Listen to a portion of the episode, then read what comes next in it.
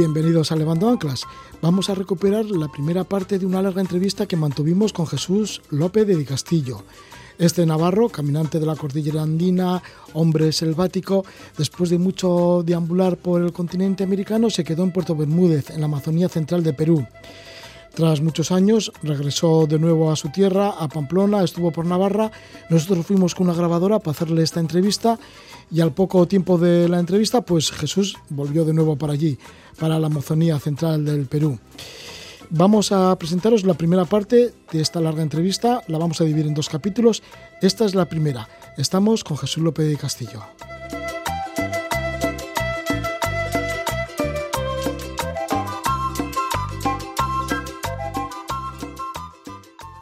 Vamos a tener un encuentro pero muy entrañable con Jesús López de Castillo Gorricho, que nació en Barbarín, en Navarra, hace ya bastante tiempo, hace 64 años. Es un gran amigo del programa de Levando Anclas. Hemos seguido sus andanzas desde el año 1985, cuando le hicimos la primera entrevista. Yo creo que fue allá por noviembre de 1985. Y Jesús López de Castillo, que fue el primero en el Estado español en hacer un largo recorrido en bicicleta por América. Fue desde México hasta Brasilia 30.000 kilómetros entre los años de 1980 a 1982. Atrapado por la magia de los Andes, hizo una marcha a pie de 7.000 kilómetros por la cordillera entre Perú y Bolivia. Esto fue entre 1983 y 1985. Con el tiempo se instaló en Perú, donde trabajó de reportero, dando a conocer los lugares más inéditos de aquella geografía al sur de América. En 1996 decidió buscar un lugar en donde pararse y eligió, y eligió la localidad de Puerto Bermúdez, junto al río Pachitea, en la selva central de Perú. Allí funda el albergue Humboldt, que regenta hasta la actualidad. Hasta allí pues llegan mochileros, estudiosos de la selva de diferentes procedencias. Hace 16 años que Jesús López de Castillo no regresaba a su tierra, a su tierra de origen, a Navarra. Me fui con una grabadora a Iruña y allí conversamos largamente. En el programa de esta noche vamos a escuchar la primera parte de sus andanzas y reflexiones desde el año 1980 hasta hoy en día, que está en el albergue Humboldt en Perú. Vamos a recoger esta experiencia con esta grabación y enseguida estamos ya con Jesús López de Castillo para que nos hable de tantas y tantas aventuras a lo largo de muchísimos años.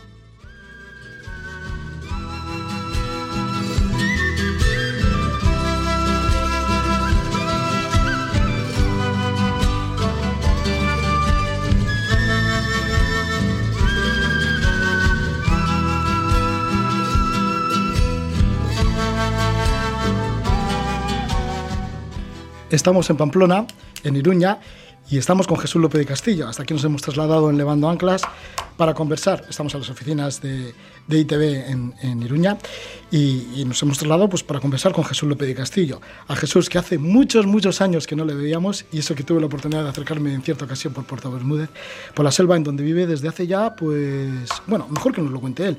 Jesús, bienvenido, muy buenas noches. Sí, pues, Roge, bueno, la, verdad que para mí es, eh, pues, motivo de regocijo y alegría el estar físicamente aquí eh, delante tuya, ¿no? Porque hacía exactamente 17 años que no nos veíamos, ¿no? Pues sí. Y, me ha costado un poco reconocerte en el, en, el autobús, porque yo ahora me he encontrado contigo en la Burundesa, ¿no? Sí. Y digo, ¿cómo reconocería a Roger? ¿No reconocería cómo estará en silla de ruedas? porque ahora veo mucha gente en silla de ruedas por la calle y tal, ¿no? ¿Cómo está? Y bueno, y también cómo me verías tú a mí, ¿no? Porque en Valde no pasan 18 años, ¿no? Y en fin, bueno, pues sí, una alegría estar aquí porque eh, efectivamente hacía 18 años que no regresaba aquí a, Euskadi y a, Iruña, ¿no? Y, pero sí, nos habíamos visto un poquito antes, porque tú fuiste a, a la selva. A la selva, sí, a la selva central del Perú, estuviste en Puerto Bermúdez, allá por el año 2002 o 3, un año después creo de las Torres Gemelas, de la implosión de las Torres Gemelas, la explosión, sí. Sí, fue por allá, sí. Pero de todas maneras, hace un, un porrón de siglos. ¿no? Sí, hace bastante tiempo. Bueno, me gustaría ya que tenemos la, la, oportunidad de estar contigo, de que no estás en Perú, porque, claro, nosotros hacemos muchas conexiones, generalmente una o dos veces al año. Sí, por, por Año Nuevo, ¿no? Nos hemos, sí, sí, y cuando vienen las inundaciones allí a Puerto Bermúdez, con el río Pachitea, que crece y casi te inunda la casa. bueno, en cierta ocasión ya te ha inundado. Sí, sí, varias veces, sí, sí, El albergue. Bueno, pero me gustaría retroceder un poquito en el tiempo y saber cómo te cambió la vida cuando realizaste el primer viaje en bicicleta, que estamos allá hablando del 10 de febrero de 1981, cuando de repente apareciste en México. Y bueno, hay que decir que fuiste pionero en estas largas travesías continentales en bicicleta de, cicloturistas del Estado español. Fuiste el primer cicloviajero pues, que, cruzó un continente. Bueno, no sé si fue pionero, es como una vez que fui a dar, me invitaron en un pueblico aquí en Navarra, creo que era un pueblo del alcalde, sino de mi pueblo de cerca, ¿no? Y me dijeron, este eh, ha hecho, para hacerse famoso, ha hecho como el cabrero de mi pueblo, que sacó las cabras a los tejados, ¿no? Entonces el cabrero también fue pionero en sacar las cabras al tejado, ¿no? Bueno, yo no sé si fue pionero, pero evidentemente, efectivamente, en un momento determinado de mi vida decidí que, bueno, me lo había dicho un muchacho por ahí por el Pirineo, manta y carretera, ¿no? Cuando sientes que, que no sé, que la vida eh, te acorrala un poco. Eh, eh, en la rutina y en, eh, no sé, y en, un horizonte de nieblas y de, y de poca, eh, bueno, de pocas expectativas, por lo menos de emociones, entonces sí, dije, bueno, pues una alternativa era coger la bicicleta y me arranqué con la bicicleta, ¿no? Y con un, y con un libro de Rilke, de José María Rilke, sí. Bueno, siempre le digo lo mismo, pero eras ingeniero, trabajabas en un departamento de la Citroën, además eras jefe de ese departamento, tenías amigos en el mundo de la escalada, conociste a una persona que, era, que se llamaba también Jesús, y dijo, bueno, ¿por qué no nos vamos a dar una vuelta al mundo y dejamos esta rutina? ¿no? Tú tenías muchas ganas de, de buscar otra forma de vida y bueno, os decidisteis ir a México a ver lo que pasaba ahí con las bicicletas. Sí. Y resulta que te tiraste hasta Brasilia. Bueno, vamos a hacer un poco de retrospectiva, bien, en fin, de repente para la gente que está escuchando pues puede tener cierto interés, aunque a mí recorrer otra vez, reandar o regresar al pasado a veces se me resulta un poco, eh, no sé, árido. Pero en fin, sí, pero es importante, Jesús, porque eres pionero. Después de ti siguieron muchos los pasos. ¿eh? Sí, puede ser, pero no, a mí no me gustan los récords, ni los Guinness, ni los pioneros. Yo no sé si fui pionero, ¿no?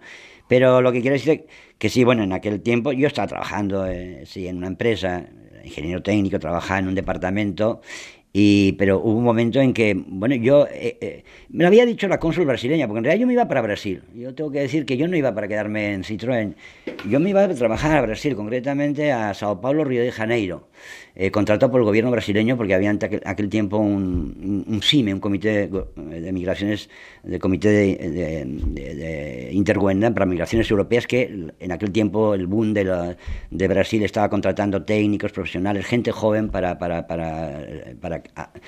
hacer aumentar su PBI, su, industria, sus empresas, etcétera, ¿no?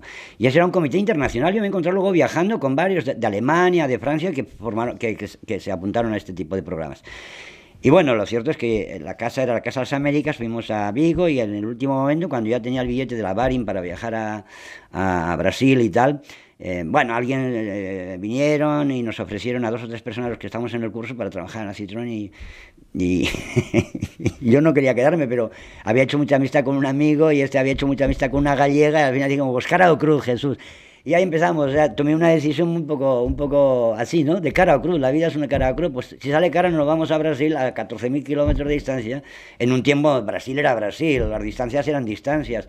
Ahora con el internet, con el WhatsApp, con el Facebook, con no sé qué, hasta con los aviones, pues antes es que todavía había transatlánticos para ir, el Ría de Vigo, el Ría de Bilbao, no sé qué. Eran sí, porque trabajabas en Vigo, ¿no? 30, bueno, ahí ahora creo que eran los últimos, eh, los últimos eh, viajes que se hacían en transatlántico, pero de transporte de carga, no como ahora que te montas a un crucero pagar 50.000 euros. Y bueno, no, no, no, eran de transportes de pasajeros, ¿no? Y, bueno, echamos cara a cruz y me quedé allá. Y recuerdo que la cónsul de Brasil me dijo, Jesús, eh, no te quedes aquí, te, te, vas a volver loco, te conozco más o menos y en, cinco años tú revientas aquí. Y sí, pues, o sea, yo me fui porque reventé realmente, ¿no? Empezó toda la robótica, todo este mundo de, de, de, la, de la aniación mecánica, los tiempos modernos de Chaplin, ¿no? Y el hecho de estar en una fábrica donde se iba eh, eh, el, el, cronómetro te marcaba la vida, la existencia, hay que reducir un segundo en esta operación de no sé qué, otro segundo en la comida, otro segundo en, el, en, el, en, esta operación, un hombre montando 100 mil millones de arandelas en un día, o sea, tiempos modernos de Chaplin, ¿no? Y eso me impactó mucho, y yo, ¿no? bueno, para otra gente lo asumía muy bien, ¿no? El cuento de la lechera, pues estoy de puta madre en una fábrica grande con funcionario. Todo el mundo quiere ser funcionario, ¿por qué? Porque tiene hasta la jubilación. Y, una, y, y, y allá lo mismo, pues una fábrica de 20.000 obreros, pues nunca puede quebrar, y si quiebra, pues serán eres y más eres y recorrer, pero es como eh, eh, estar fijo, ¿no? Entonces que era como la utopía cumplida, trabajar en una gran empresa, ¿no? Pero claro, a mí, para mí esa utopía pues no, no funcionó muy bien y entré en una, eh, o sea, empecé a, a desvariar y dije, la profecía cumplida de la cónsul, ¿no? Te vas a volver loco. Y bueno, no es que me volví exactamente loco, pero agarré una depresión impresionante y tuve que empezar a coger bajas médicas, etc. Hasta que al final un día, después de muchas historias y consultar psiquiatras, psicólogos estas tonterías, al final yo iba a hacer, el, psiquiatra iba a, a, psicoanalizarse conmigo, ¿no? Y dije, no. Pero un día ya un amigo, un eso, me dijo, mira Jesús, eh, vete a viajar. Entonces cogí, pedí una excedencia en la fábrica y me fui a viajar. Y me acuerdo que me regaló unos libros de unos poemas de José María Rilke, ¿sí? Y me fui a viajar. Y bueno, ¿cómo viajo? Pues bueno, pues una forma de viajar eh, bonita era la bicicleta, ¿no? Sí. La bicicleta, pero por aquel entonces no, no había nadie que había realizado un viaje por América en bicicleta. Bueno, pero habrá gente... Bueno, por lo menos aquí en el Estado español, Sí, yo no sé, porque tampoco... Bueno, lo que pasa es que eso tuvo cierta trascendencia porque en algún momento no dije a nadie a lo que iba, ni sabía si iba en bicicleta, en burro, a caballo o en globo, ¿no? Me fui y bueno, la bicicleta era, era un artilugio donde no necesitas pues mucho capital económico, un carro, un, o sea, un automóvil, una moto. Primero tu esfuerzo es relativamente pequeño, nulo en comparación con, con manejarte ahí el, el, contacto con... Si vas a viajar, mira, hoy el mundo está cambiando vertiginosamente. Yo estoy viviendo ahora en Perú y te aseguro que el lugar donde estoy viviendo en los últimos 10 años ha cambiado más que Europa en 2000 años. O sea, hemos pasado del neolítico al, al, al, WhatsApp y al Twitter y al Skype y todas esas cosas. Pero te digo literalmente. Yo llegaba a Puerto del Mue, donde las comunidades un poco más apartadas estaban en la edad de, en la edad de bronce. Estabas con flechas, estaban con, eh, con arpones, estaban con eh, eh, arcos y estaban así y de repente aparece un helicóptero y bajan allá y le dicen, ¿qué hacen aquí ustedes imbéciles en la edad de piedra? Vamos a la edad moderna, ¿no? Y te, les ponen una parabólica, les ponen una televisión satelital, unos mandos y todos a ver la guerra de las galaxias, ¿no? Ya están viendo ahora, o a ver, yo qué sé, estos programas, estos reality shows eh, nauseabundos ciertamente y que provocan una transculturación eh, terrible, ¿no? Entonces, bueno, eh, la bicicleta me permitía ir avanzando en el tiempo de una manera mucho más armónica, ¿no? Pues si voy a una comunidad pequeña, donde la gente vive en unas condiciones económicas o en un estado de consumo pues muy primario. Bueno, la bicicleta no es, un, no es, una, no es algo que impacte violentamente, pero si aparece con una moto, con un carro, y eso me ha pasado, me acuerdo que me pasaban en las tribus chipayas o en sitios así donde realmente vivían en el neolítico, pero al acercarte con una bicicleta o a pie, porque luego hice un viaje a pie, entonces eran, bueno, no, no estabas violentando a aquella gente psicológicamente, ni, ni emocionalmente, ni siquiera culturalmente, y mucho menos contaminada por el consumismo, porque claro, entonces, pero si llegas en una moto, llegas en un carro también, ¿no? En fin. Así que aquel 10 de febrero de 1981, cuando volaste de Madrid a México,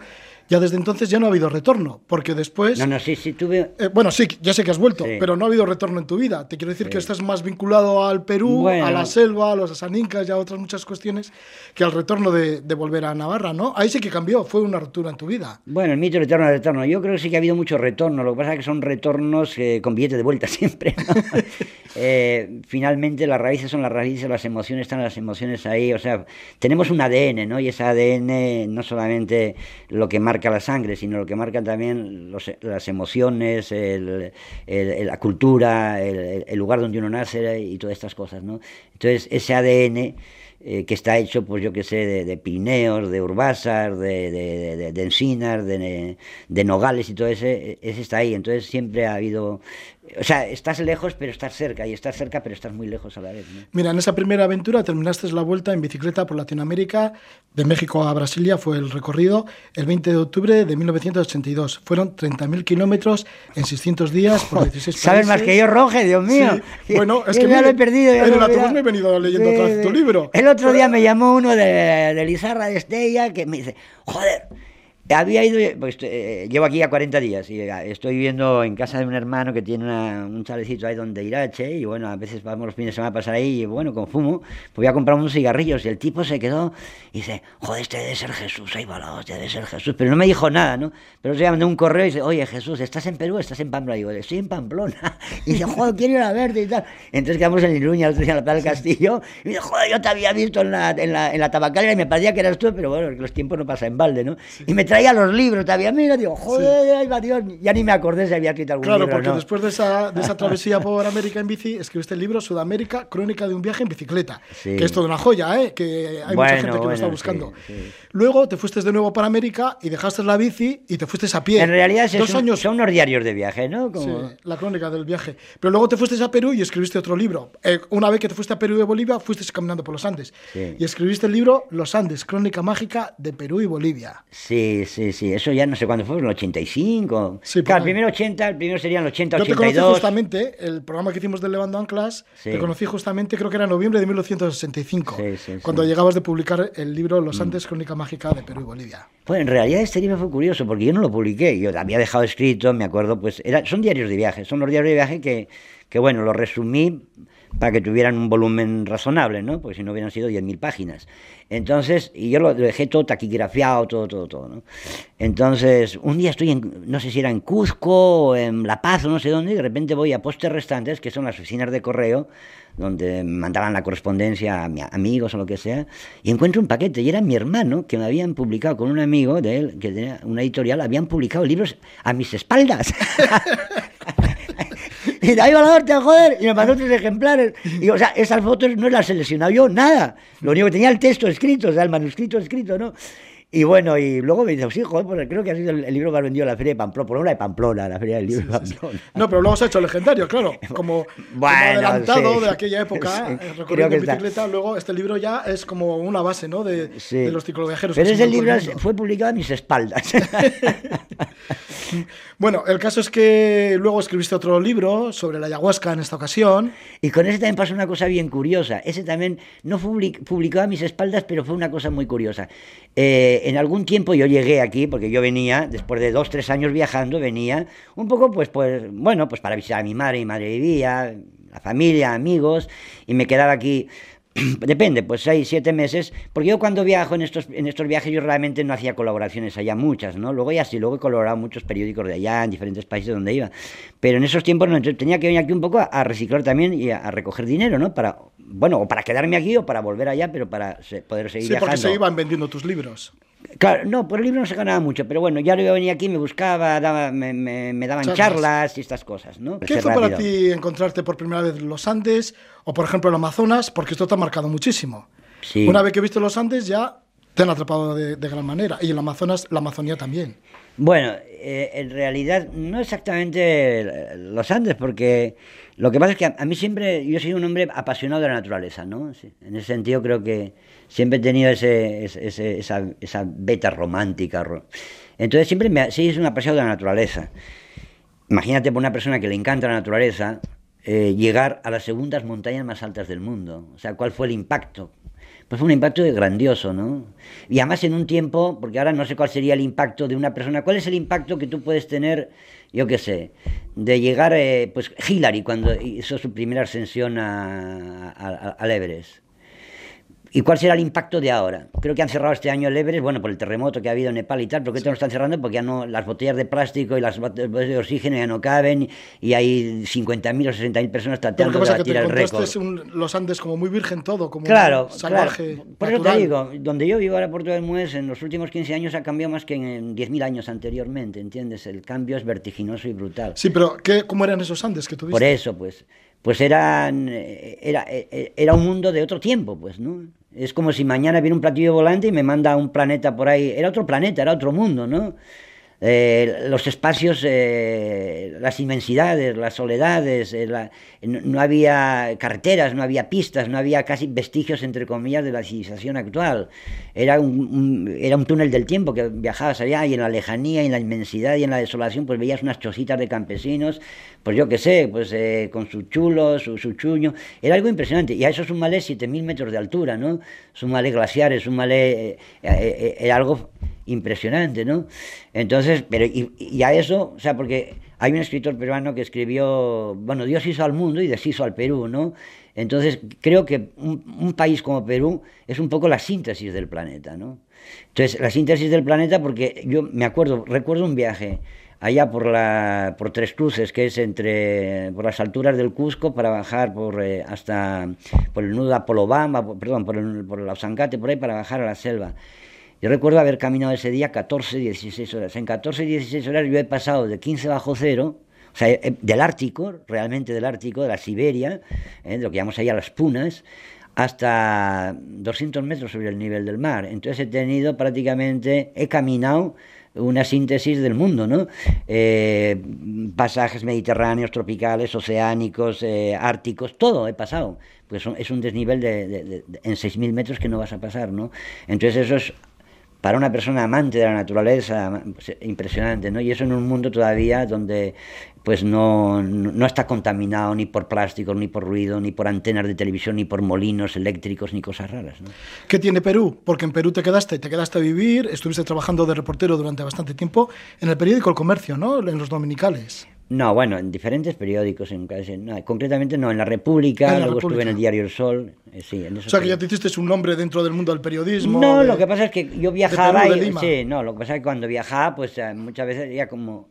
Eh, ibas dejando, pues ya como pequeños puertos, ¿no? Entonces ya tenías un amigo en la F, tenías un amigo en el periódico, yo La República, tenías un amigo, pues yo que en el diario hoy de Ecuador.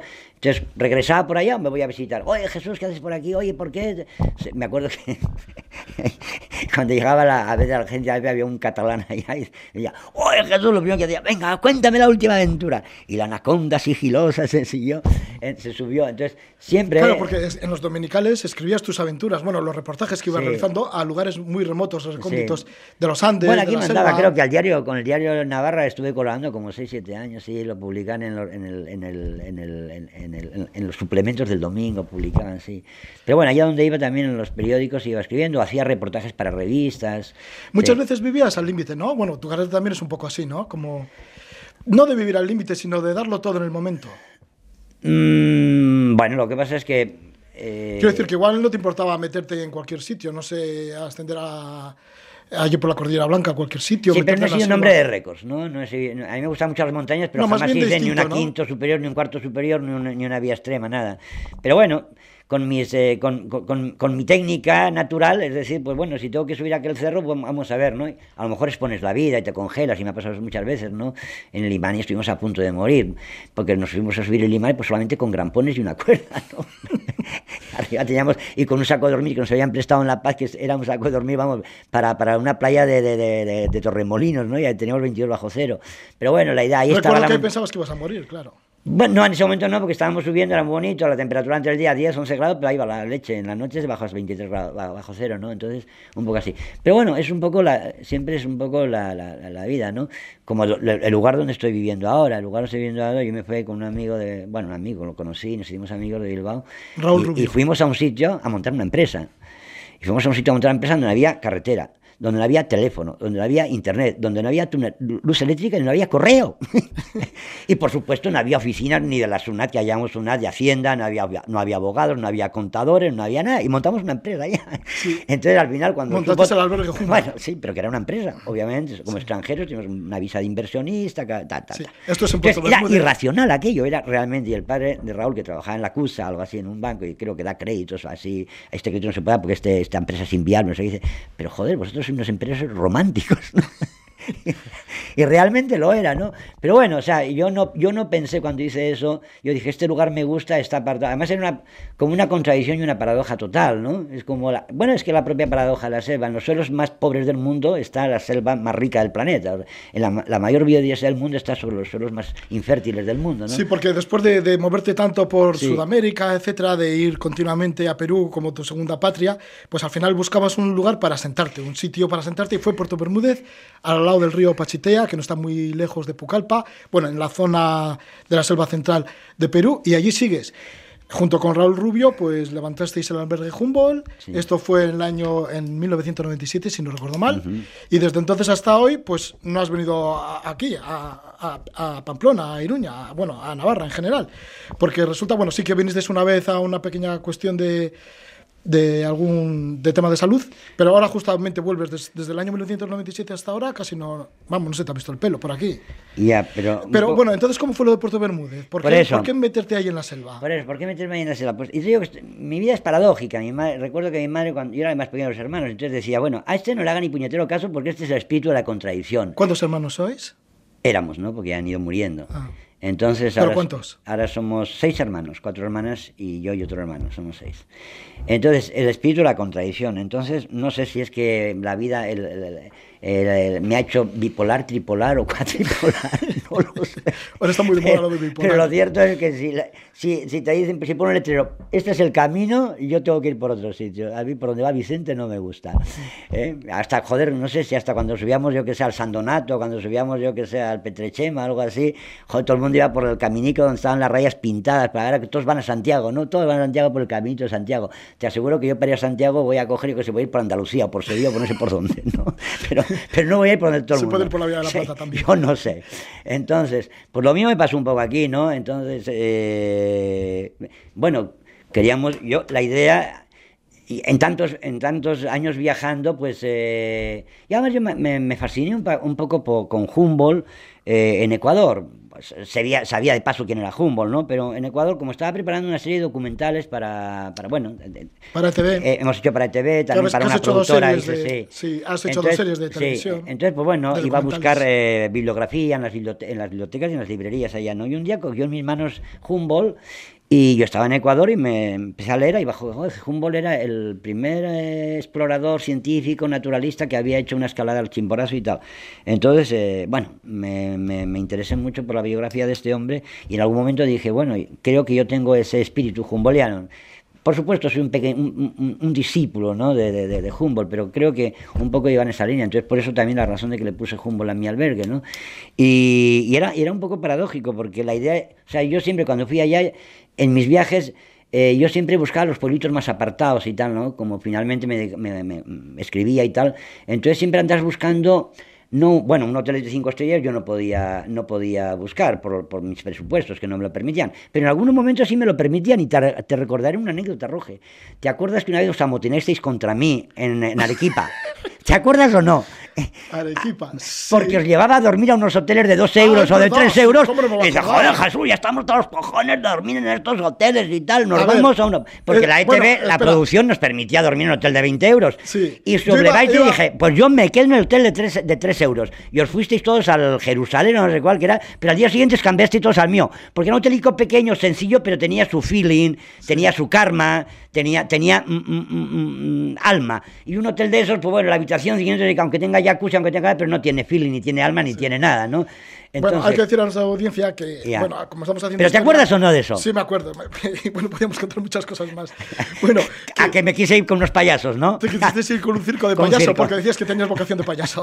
Bueno, resulta que allá por el año 1988 eh, fui con 88 Jesús. era. 88, Ah, sí, no me olvido 90, jamás. sí, sí. 1988, allí hice la mile. No le decía el ¡Os sublevasteis contra mí! Bueno, es que eras un jefe así como bastante No, no. fuerte y duro. Bueno, el caso, un momentito. El caso es que para, para anunciar a la audiencia, para poner en contexto, pues sí, eh, pediste, presentaste en ETV, por aquel entonces presentabas el programa Doctor Livingston, supongo, durante un tiempo, y entonces, bueno, presentaste... Y a ti te quisieron contratar en- para una película de extra en, en- en Lima, ¿te acuerdas? En ese viaje. Pues Estaban rodando la perrichol y no sé qué. Y están un condenado, ¿no? Y tú vienes un día estamos comiendo, joder, Jesús, que no sé, que voy por la otra, que me quieren contratar aquí de extra, joder, me han visto y dicho, este es el personaje, Ah, es este. sí, sí, sí, sí. Bueno. Bueno, el caso es que... Yo de payaso al circo, tú a una película de esta, y joder, ¿y quién hacían todos los documentales para la ITV? Bueno, pues se hicieron, no se hicieron. El caso es que presentaste un proyecto de varios documentales en Perú y nos fuimos durante un verano, 40 días al Perú. Sí, sí, sí. En el año 1988 eh, entrevistaste a María Reich, Ah, sí. que es la matemática. María Soledad, estudió- María Soledad. María sí. Soledad, Hicimos el la- la documental matemática bonito. Con que- música de Leonard Cohen. Sí, que la matemática que estudió las líneas de, eh, de Nazca. ¿Te acuerdas, con- María? Estaba con Parkinson, mi madre, mi padre murió con Parkinson y era una cosa. Mira, una María murió después, Pero, eh, María pero- Wright. pero tiene mucho que ver también con la idea del Humboldt, ¿eh? Perdona, que Por luego también, también le entrevistaste a, a Mario Vargas Llosa. Ya, es que la entrevista fue durísima. Sí. Yo me acuerdo que estaba debajo de, con el micro debajo de, de Vargas Llosa, o sea, a la altura de los Y se pies. fue la luz porque un atentado digo, terrorista también, este ¿te hombre, acuerdas? A la siguiente pregunta de Jesús, no- me va a pegar una patada y va a saltar el micro por todos los lados. Sí, sí. Nos Bueno. cortó muy furioso.